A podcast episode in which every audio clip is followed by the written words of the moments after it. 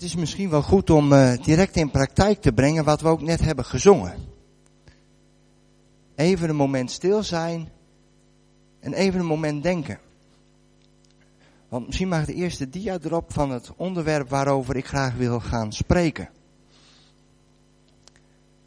De koninklijke schuilplaats is mijn thuis. En nou hebben we vanmorgen hebben we allerlei liederen gezongen met elkaar over heiligheid. Over dat God heilig is. En laten we een moment stil zijn, een minuut stil zijn.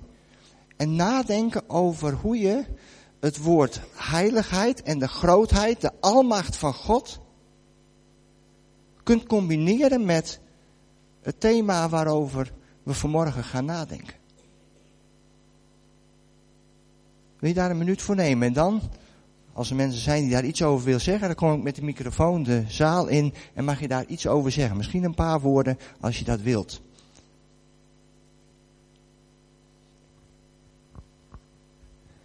Hebben we er allemaal even over kunnen nadenken? Is er iemand die zegt, daar wil ik wel iets over zeggen, hoe je de heiligheid van God brengt bij dit thema, de koninklijke schuilplaats is mijn thuis? Want wat gebeurt er als je het woord heiligheid van God hoort? Mag het even voor de microfoon doen. Nou, dan word je stil. Stil, vol verwondering. Ja, en dan is het zo verwondering dat hij, de heilige, naar deze aarde gekomen is en ontvangen is als een, ja, in een kroegje, of in een herberg. En dat hij dat allemaal, en hij ging daar niet tegenin. En je hebt het over die schuilplaats.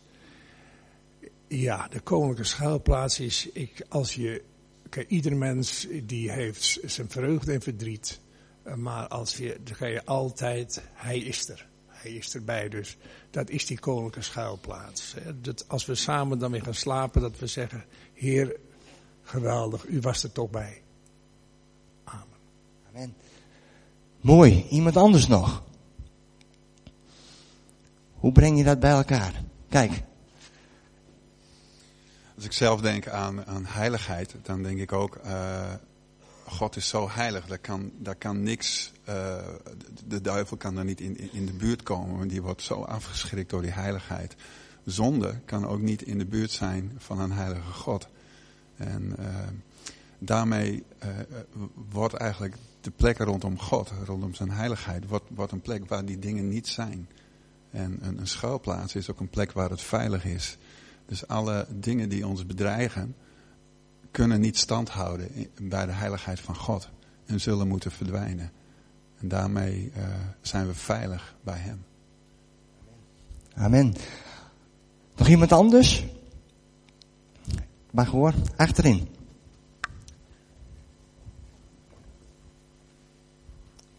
Ja, ik denk daarbij in de eerste plaats aan uh, Jezus Christus. Die, uh, mijn, ik mag in hem heilig zijn en anders zou ik daar ook niet kunnen zijn.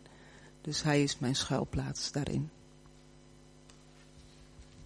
Mooi om zo te horen dat we Jezus nodig hebben. Maar wat er in ieder geval met mij gebeurde, zo tijdens het zingen van die liederen en als het, ja, als er gesproken wordt over de heiligheid van God, over de grootheid van God, de zondeloosheid van God, dan weet ik ook mijn eigen plaats daarin. En dan weet ik zo dat ik Jezus nodig heb. En ik denk dat dat voor ons allemaal geldt. Dat we zo ten diepste weten dat we Jezus nodig hebben als het gaat over de heiligheid van God. En wat er vaak gebeurt als het gaat over de heiligheid van God, dat dat afstand creëert. En dan gaan we zingen over naderen. Dan gaan we zingen over, ja, bijna in de liederen zit soms een stuk afstand. Als we het hebben over de grootheid van God en dat wij klein en stil mogen zijn. En hoe breng je dan de andere bijbelse waarheid dat we bij God thuis mogen zijn, dat we bij God heel dichtbij mogen zijn, dat we Hem zelfs Vader mogen noemen? Hoe breng je dat bij elkaar? Want ik wist vroeger, als ik iets niet goed had gedaan, En mijn vader wist dat. Dat ik maar het beste eerlijk kon zijn tegen mijn vader. Dat wist ik als klein kind heel erg goed. En als iets groter kind weet ik dat nog steeds. Maar ergens als er, het gaat over heiligheid creëert het afstand. Terwijl ik denk dat de Bijbel daar anders over spreekt. En ik geloof dat daar waar we misschien die afstand ervaren en aan de andere kant God als vader weten, dat dat ergens boven ons bevattingsvermogen bij elkaar komt. Want God is immers één. God is dezelfde. God is diezelfde heilige God als die vader dichtbij. En ik denk dat we vanmorgen, als we met elkaar gaan nadenken over Psalm 91, dat dat bij elkaar gaat komen. En ik hoop dat dat lukt zo met elkaar. Wat is voor u het mooiste moment van de vakantie? En dan mag je naar de volgende dia. Het mooiste moment van vakantie vieren is toch thuiskomen of niet?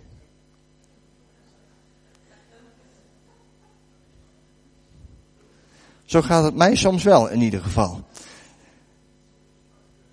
Vakantie vieren is mooi, maar als ik weer thuis ben in mijn eigen veilige plek,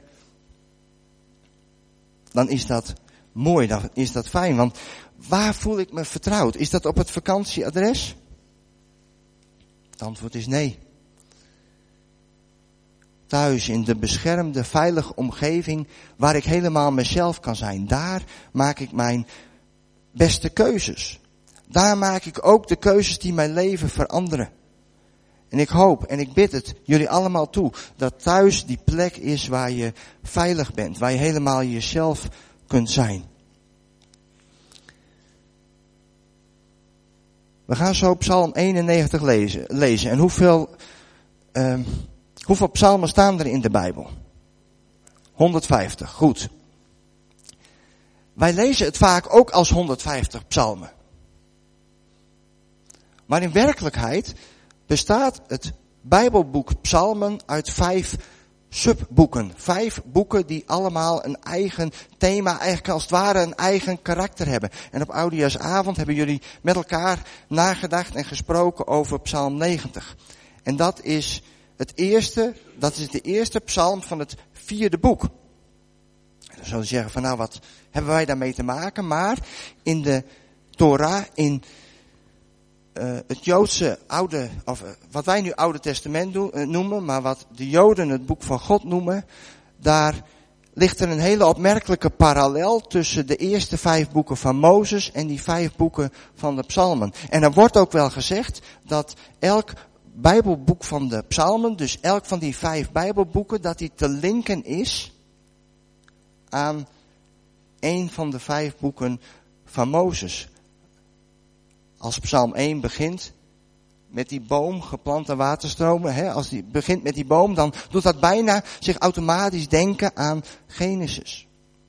En als je dan even doortelt en je bent bij Psalm 90, dan ben je ook bij het vierde Bijbelboek. Dan ben je bij Numeri. En dan wordt het wel even heel bijzonder. Want wat is de kern van het boek Numeri? Als je door nummerie heen beladert, dan is dat eigenlijk een, ja, een heel triest boek. Er zitten hele mooie passages in, maar eigenlijk wat daar beschreven staat, is heel triest. Want nummerie is namelijk het boek dat het Joodse volk uit Egypte is getrokken, op een wonderlijke manier bevrijd is en daar aan de voet van het beloofde land staat.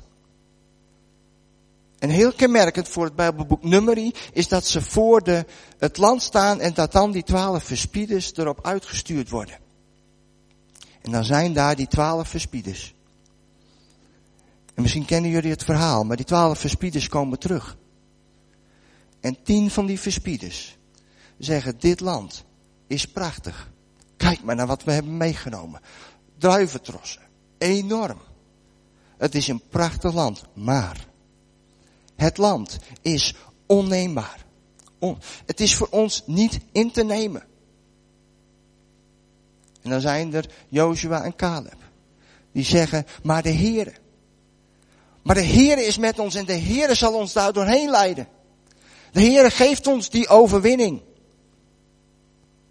Maar het volk heeft daar de neiging om Joshua en Caleb te stenigen. En ze luisteren niet naar Joshua en Caleb, ze luisteren naar die tien andere verspieders. En als straf opent God niet de deur van het beloofde land, maar dat doet hij pas 40 jaar later. Als die hele generatie ten onder gegaan is aan hun eigen ongeloof.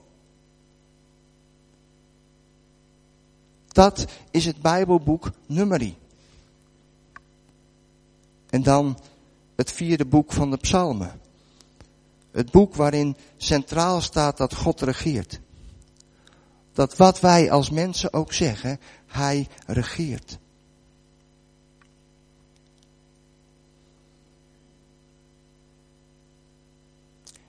Laten we eerst Psalm 91 maar lezen. Maar dan heb je een beetje de context hebben we met elkaar besproken.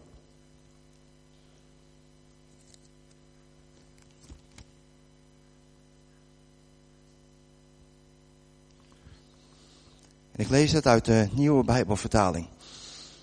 Psalm 91. Wie in de beschutting van de Allerhoogste woont en overnacht in de schaduw van de ontzagwekkende, zegt tegen de Heere, mijn toevlucht, mijn vesting, mijn God, op u vertrouw ik. Hij bevrijdt je uit het net van de vogelvanger en redt je van de dodelijke pest. Hij zal je beschermen met zijn vleugels. Onder zijn wieken vind je een toevlucht. Zijn trouw is een veilig schild. De verschrikking van de nacht hoef je niet te vrezen. Ook de pijl niet die overdag op je afvliegt. Nog de pest die rondwaart in het donker. Nog de plaag die toeslaat midden op de dag. Al vallen er duizend aan je linkerzijde en tienduizend aan je rechterhand, jou zal niets overkomen. Open je ogen en zie hoe wie kwaad doen worden gestraft. U bent mijn toevlucht, heren.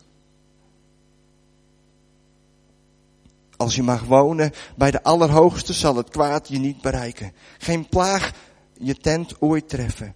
Hij vertrouwt je toe aan zijn engelen die over je waken, waar je ook gaat. Hun handen zullen je dragen. Je voet zul je niet stoten aan een steen. Leeuw en adder zullen je vertrappen. Roofdier en slang vermorzelen. En dan gaat God spreken. Ik zal bevrijden wie mij lief heeft. En beschermen wie met mijn naam vertrouwd is.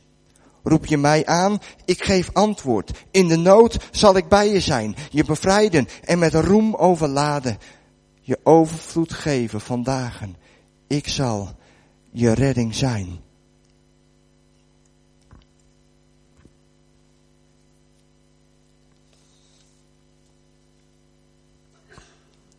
Volgende plaatje maar erop. Psalm 91 begint met woorden die we vaak horen. Die vaak op kaarten zijn. Vaak op kaarten staan. En misschien kent u dit beeld wel. Als u Facebook hebt en geabonneerd bent op de pagina van deze gemeente, hebt u dit plaatje al gezien. Deze tekst wordt onvoorstelbaar vaak geciteerd, waar Psalm 91 mee begint. Wie in de beschutting van de Allerhoogste woont en overnacht in de schaduw van de onzagwekkende, zegt tegen de Heer, mijn toevlucht, mijn vesting, mijn God, op u vertrouw ik. Maar als we even inzoomen op de psalm, en dat staat op de volgende dia, dan heeft deze psalm een hele mooie indeling. Er zijn eigenlijk drie personen aan het woord. De eerste persoon is de schrijver, de initiatiefnemer. Je zou dat ook kunnen vertalen met u, jou en mij. Vers 1 en 2. Waarin gewoon staat, ik vertrouw. Ik spreek mijn vertrouwen uit. En dan is er die vriend, dan is er die ander. Die vader. In de tweede persoon, die zegt, ik zal redden. En dan komt die opsomming van enorme kracht en enorme macht. En daar zoomen we zo wel op in. En dan komt daar vers 9a en dan komt die eerste persoon weer aan het woord. U bent mijn toevlucht. Hij is als het ware sprakeloos van die hele opsomming waar vader hem van bevrijdt. En daarna die stamelende woorden, u bent mijn toevlucht, Heer. Komt vader opnieuw aan het woord. Als je mag wonen bij de Allerhoogste zal het kwaadje niet bereiken, geen plaag ooit je ten treffen. En dan eindigt deze psalm met vers 14 tot en met 16. Waarin God heel direct, heel persoonlijk spreekt. Ik zal bevrijden wie mij lief heeft en beschermen wie met mijn naam vertrouwd is. Roep je mij aan, ik geef antwoord. In de nood zal ik bij je zijn, je bevrijden en met roem overladen. Je overvloed geven van dagen, ik zal je redding zijn. Maar wat zo bijzonder is, dat deze psalm begint met de uitspraak van vertrouwen. En ik denk dat dat een kern is die wij telkens opnieuw in de Bijbel tegenkomen. Daar waar God altijd, overal dezelfde is. Altijd dichtbij is. Nooit ver weg. Je hoeft maar tot hem te spreken of hij is er. Wie zorgt dan voor afstand? Wie zorgt voor afstand tussen vader en ons? De enige die zorgt voor afstand, dat zijn wij zelf. Wij zelf hebben de neiging om weg te lopen. Wij zelf hebben de neiging om bij God vandaan te gaan. Helemaal als er dingen in ons leven zijn die gewoon nog niet goed zijn. Dingen waar we moeite mee hebben. Dingen uit ons verleden die we nog moeten verwerken. Elke keer als we daaraan herinnerd worden, dan voelen we onszelf afgewezen. Soms door anderen, maar vaak door onszelf. Wij voelen onszelf niet goed genoeg om bij God te zijn. En daarom ontstaat er afstand. Maar God is dezelfde. God blijft dichtbij. En daarom is de, begint deze psalm ook met die eerste stap. Die stap om God te vertrouwen. Om dat uit te spreken. Dan mag je naar het volgende plaatje. Valt een beetje weg door het prachtige zonlicht. Maar als je de tekst leest, maar de afbeelding daarachter, dan is dit een enorme wenteltrap naar boven een vuurtoren. Een enorme trap. En je weet, als je op de eerste trap van deze trap staat, weet je niet wat er gaat komen. En zo is het eigenlijk ook met je leven met God. Je mag de eerste stap op de tree doen en je weet niet wat er verder gaat komen. Maar, als we bij God zijn, als we bij de schepper van hemel en aarde zijn, als we veilig zijn bij Hem thuis, dan weten we toch wat er aan het eind van die trap is. Dan weten we toch wat we op die trap gaan meemaken met elkaar. Namelijk diezelfde veiligheid, diezelfde aanwezigheid van God. Begint met het uitspreken van vertrouwen, deze psalm. En het begint met de eerste stap te zetten. Weet je wat zo bijzonder is? Als die vijf boeken van de psalmen dan die link hebben met de eerste vijf boeken van de Bijbel, Genesis tot en met Deuteronomium, dan ga je automatisch ook nadenken. Automatisch nadenken over Welke hoofdpersonen zijn er nou in die eerste vijf Bijbelboeken? En dan kom je natuurlijk bij Mozes. En herken je dan bij Mozes die eerste stap? Zelf moest ik denken aan dat, Braam, uh, dat Mozes God ontmoet bij die braambos.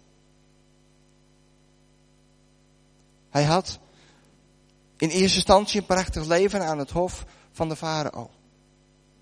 Omdat hij opgevoed werd door de dochter van de farao. En dan weten we de geschiedenis van Mozes dat hij op een gegeven ogenblik eerst een Egyptenaar doodslaat. En dat hij moet vluchten. En dat hij dan 40 jaar, 40 jaar weg is in een ander land.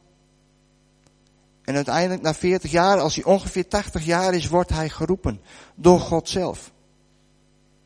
Dan staat er die braambos in brand en dan geeft God hem op 80-jarige leeftijd de opdracht om te gaan. Om terug te gaan naar het land waar hij vandaan gevlucht is. En dan moet hij de eerste stap zetten. God trok hem niet mee aan de hand. Maar hij moest op grond van de belofte die God hem gaf de eerste stap zetten. Weg van die braambos, weer terug naar Egypte.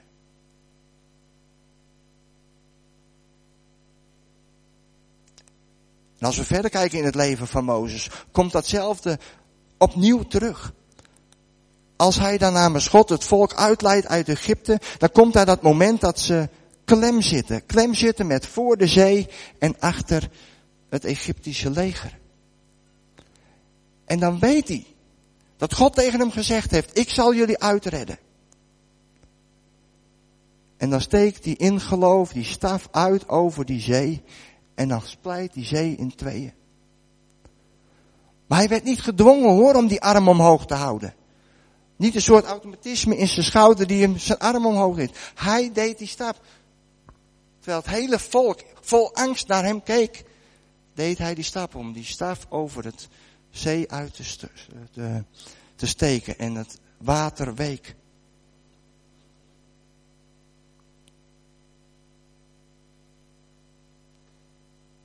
De eerste stap zetten. En misschien geldt dat ook wel in jouw leven.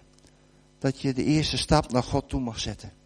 En heb je de vraag, en dat staat ook prachtig op de volgende dia. En misschien heb je de vraag, is het de juiste tijd om die stap te zetten?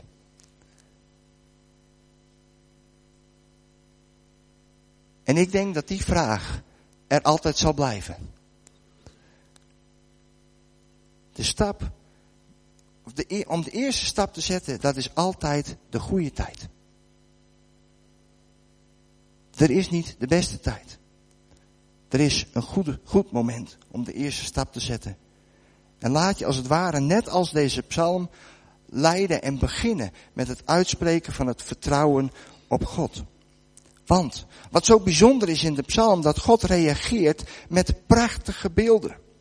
Met prachtige beelden die ik ook maar heb geprobeerd, nou ja, in een plaatje te vatten. Het eerste plaatje is het plaatje van die reddingsboei. Vers 3 tot en met 8. Wanneer God gewoon zegt, in alle nood, in alle omstandigheden, ik gooi je reddingsboei uit. Ik zal je redden. Wacht daar ook wel op. Het volgende plaatje. Kijk. Hij zal je redden. Maar dan zoomt God dat als het ware in, in deze psalm. Maakt dat nog concreter. En op het volgende plaatje zien jullie het net van een vogelvanger. Dat is het beeld wat gebruikt wordt. Vers 3. Hij bevrijdt je uit het net van een vogelvanger. En is dit niet herkenbaar? Voelden wij ons soms niet zo? Dat we als het ware vastzitten, dat we alle kanten wel op willen bewegen, maar dat het gewoon niet lukt? En hoe harder we het ook proberen in ons leven, des te vaster we als het ware komen te zitten. En dan is er dat woord van God. Wat zegt, op basis van mijn vertrouwen op u, bevrijd ik je uit dat net. Maak ik de banden, maak ik de ketens los. De ketens van zonde, de ketens van het verleden. De ketens van je eigen afwijzing. God red je daarvan. Maar de psalm gaat verder. Vers 4. Hij zal je beschermen met zijn vleugels. En opnieuw een prachtig beeld. Mooi hè? Mooi als je zo'n kuikentje ziet onder de vleugels van mama. En ook dat beeld is het beeld van God. Hij zal je beschermen met zijn vleugels. Als je, net zoals Mozes, die eerste stap zet, als je in beweging komt, dan lijkt het misschien onveilig, maar het is niet veilig, want God is daar altijd met zijn bescherming, met zijn vleugels. En dat maakt dat wij moed krijgen om die stap ook daadwerkelijk te zetten.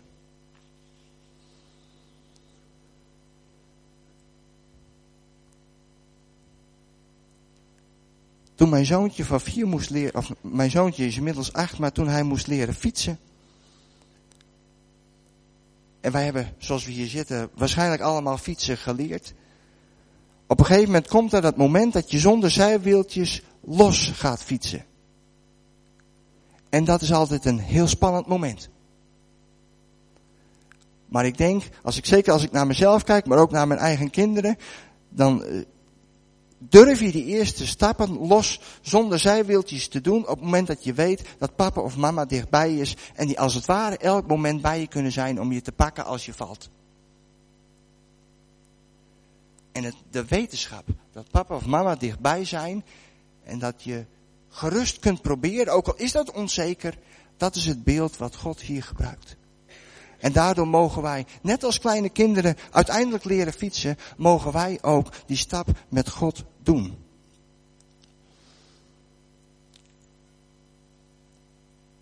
Maar dan gaat de psalm verder in vers 5.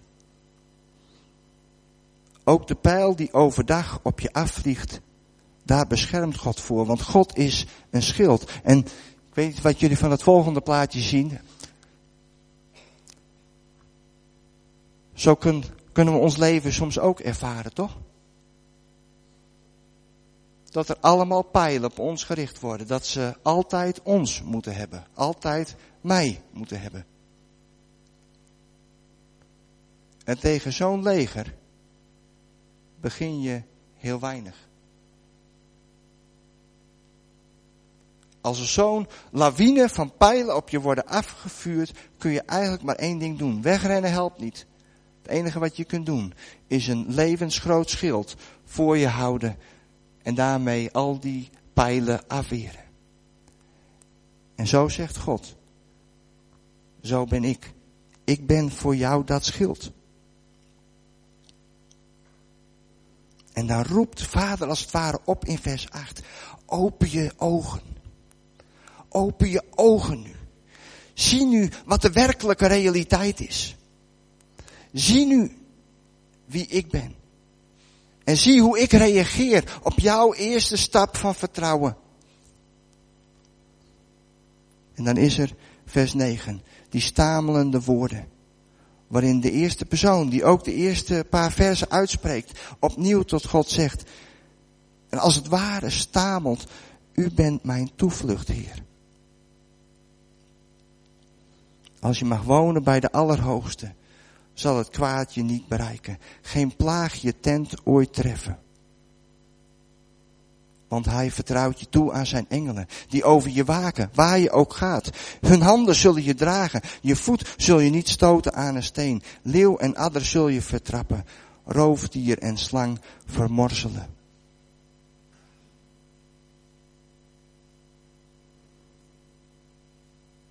Op het volgende plaatje staat het teken een foto van een burcht.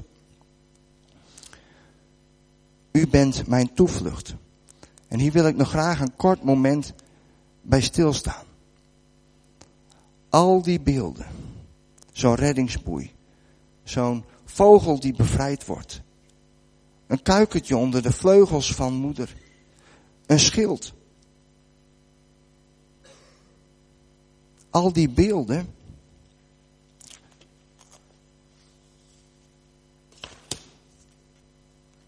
al die beelden zeggen eigenlijk niks over de omstandigheden. En ik merk dat wij als christenen heel vaak God gebruiken als een paraplu. Het is koud, het is regenachtig, het stormt. En ja, dat wat wij hebben is een paraplu. Maar een paraplu met een stortregen, met windkracht 9, helpt bijna niet. En ik heb het idee dat wij ook vaak zo met God omgaan.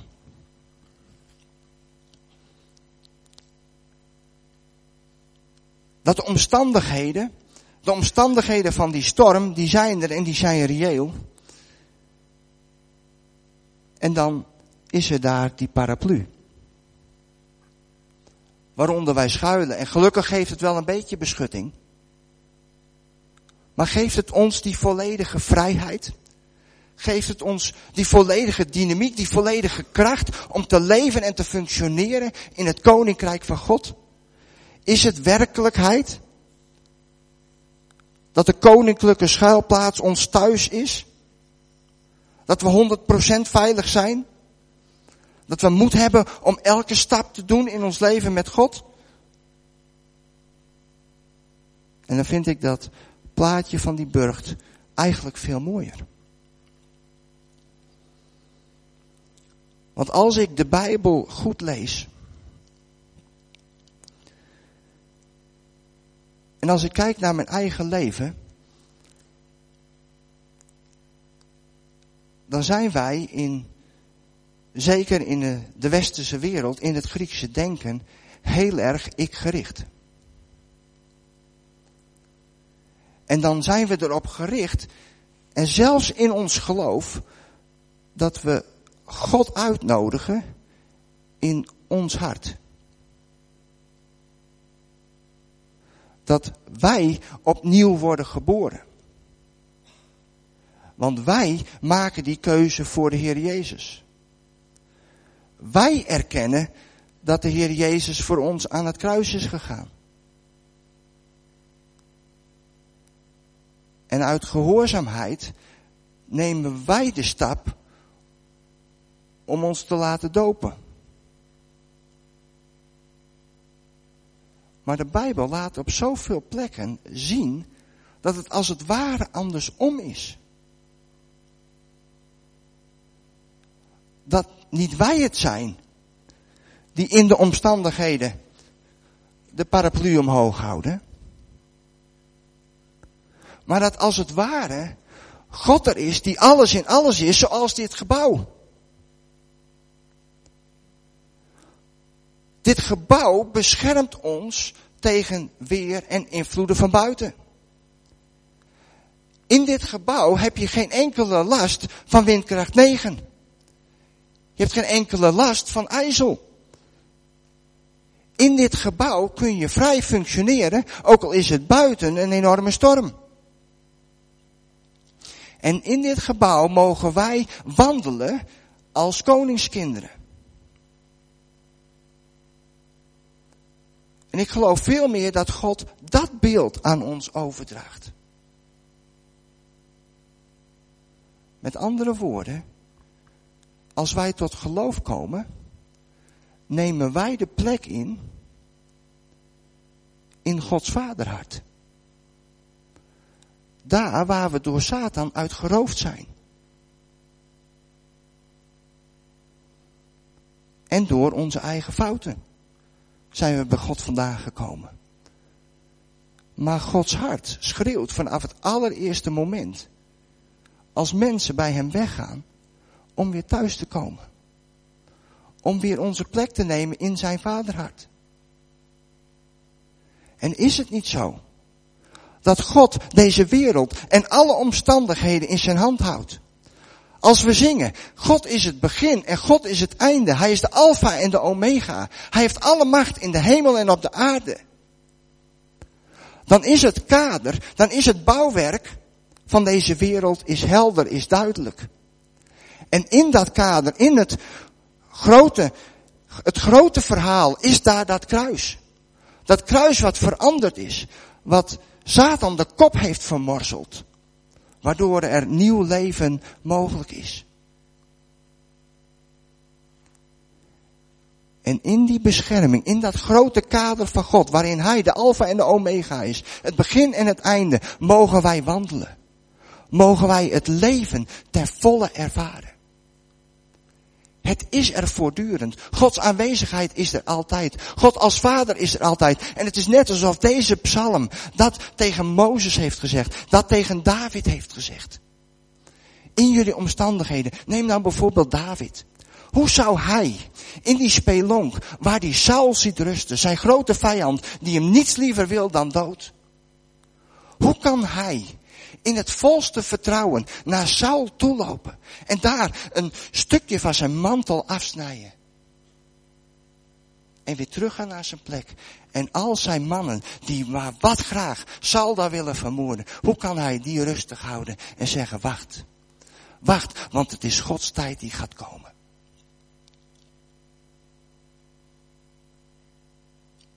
Hij kan dat alleen maar doen omdat hij weet dat dat kader van God er is. En dat hij daarin mag functioneren. En hij zegt dat ook zo prachtig tegen zijn dienaren. Ik zal niet aan de gezalfde van de Heer komen. Dat is Gods verantwoordelijkheid. En God zal met Saul tot zijn doel komen. Net zoals hij met mij, David, tot zijn doel zal komen. En in dat vertrouwen durf ik die durf ik zal niet te doden, maar wel een stukje van zijn mantel af te nemen. En lieve mensen, dat was er niet alleen voor Mozes, dat is er niet alleen voor David, maar die werkelijkheid is er voor jou en mij. Die is er voor u.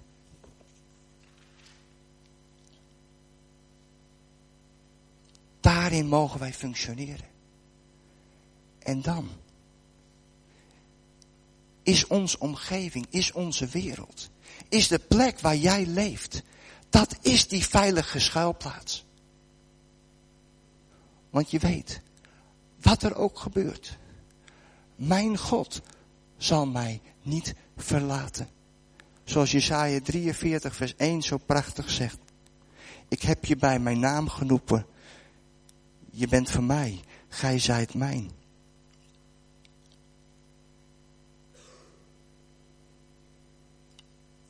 En lieve mensen, God zegt dat ook vanmorgen tegen jullie allemaal.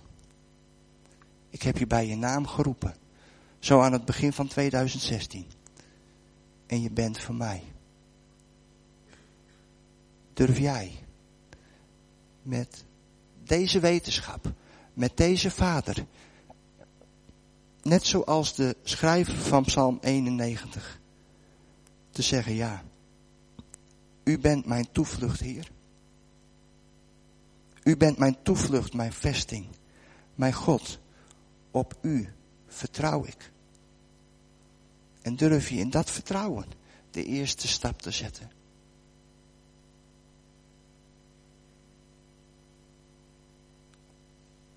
Heer God, we zijn een moment stil.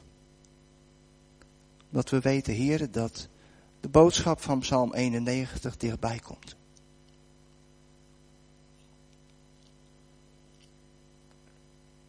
Heer, u spreekt tot ons hart op dit moment. En Heer, zoals we hier zitten, weten we welke stap we in uw koninkrijk mogen doen.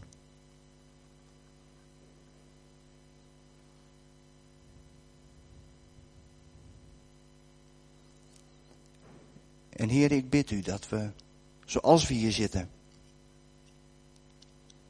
net als de schrijver van Psalm 91, die woorden mogen uitspreken. En daarmee de eerste stap doen. Mijn toevlucht, mijn vesting, mijn God. Op u vertrouw ik. Op u vertrouw ik in 2016. U vertrouw ik mijn leven toe. Hier en daar waar ik zelf bang ben, daar waar ik zelf bang ben om afgewezen te worden, daar waar het leven soms zo pijn doet, daar, heren, wil ik mijn vertrouwen op u uitspreken. Wil als het ware als klein kind mijn hand in uw grote vaderhand leggen en die stap gaan doen. Want ik weet dat u die beschermer en die bevrijder bent. Dat u het bent die alle macht hebt in de hemel en op de aarde. En heren, zegen ons zo hoofd voor hoofd als wij gaan bewegen in uw koninkrijk. Heer, want het is zo ons verlangen dat uw koninkrijk meer en meer zichtbaar wordt in ons leven. Dat u gaat stralen, dat u gaat schitteren door ons heen. Dat er herstel zal zijn daar waar gebrokenheid is. Maar Heer ook, dat als we over ons geloof delen, op ons werk of thuis of op andere plekken, dat u daar zoveel zegen aan geeft, dat er verandering plaatsvindt van situaties. Dat collega's, dat vrienden iets van u gaan zien in ons leven. Dat uw koninkrijk met kracht baanbreekt in 2016.